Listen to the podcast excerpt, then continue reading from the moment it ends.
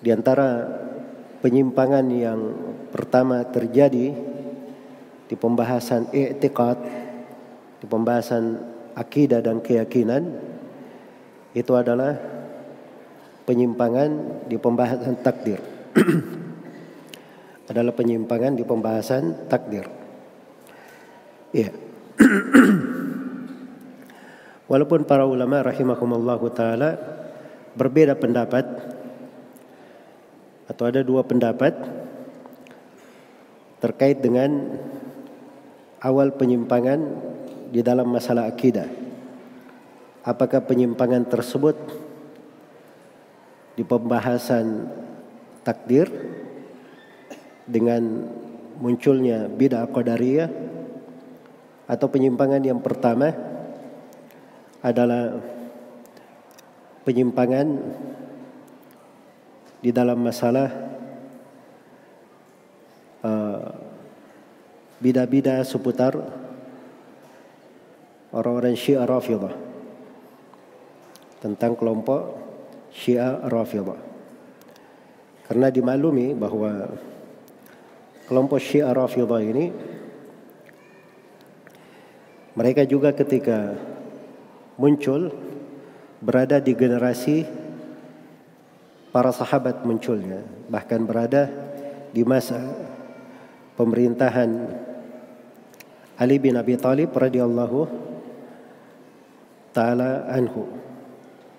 Yang muncul Abdullah bin Saba orang Majusi yang dia ini pura-pura masuk Islam dan uh, orang Yahudi asalnya, ya, bukan Majusi orang Yahudi asalnya, pura-pura masuk Islam.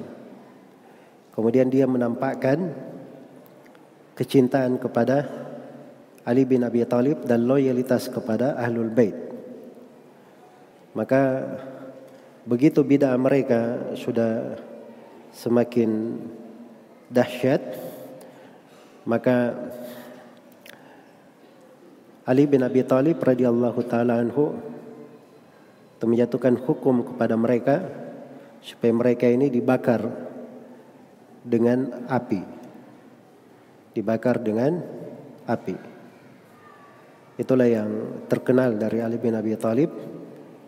Populer dari beliau, beliau berkata, "Lamma ra'aitul amra amran munkara, ajadtu nari wa da'utu kumbura." Tatkala saya melihat perkara itu adalah perkara yang mungkar, maka saya kobarkan apiku dan saya panggil si kumbur. Kumbur ini uh, apa namanya? Dari pelayan Ali bin Abi Thalib radhiyallahu taala anhu.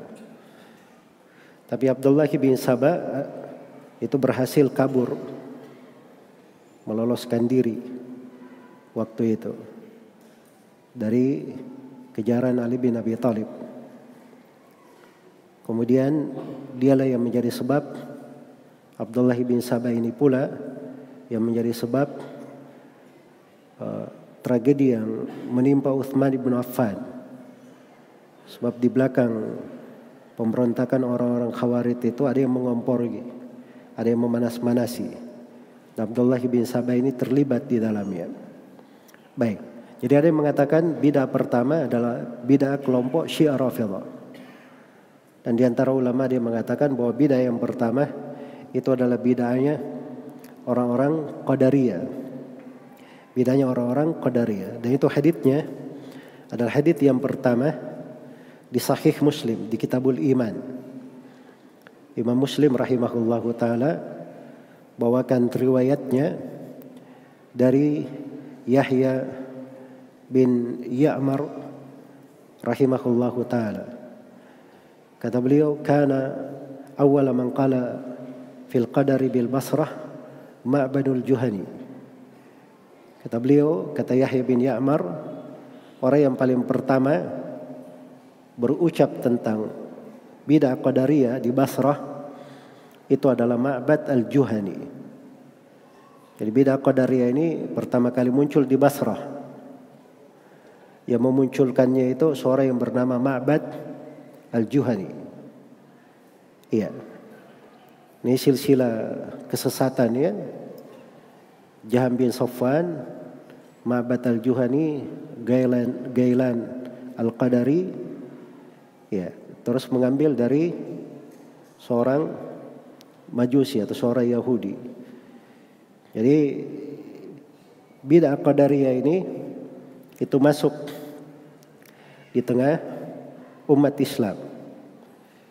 Dan sudut berpikir mereka di dalam bid'ah-bid'ah itu itu terwarisi dari pemahaman yang Jaham bin Safwan berada di atasnya. Dan kebanyakannya itu dari pemahaman filsafat.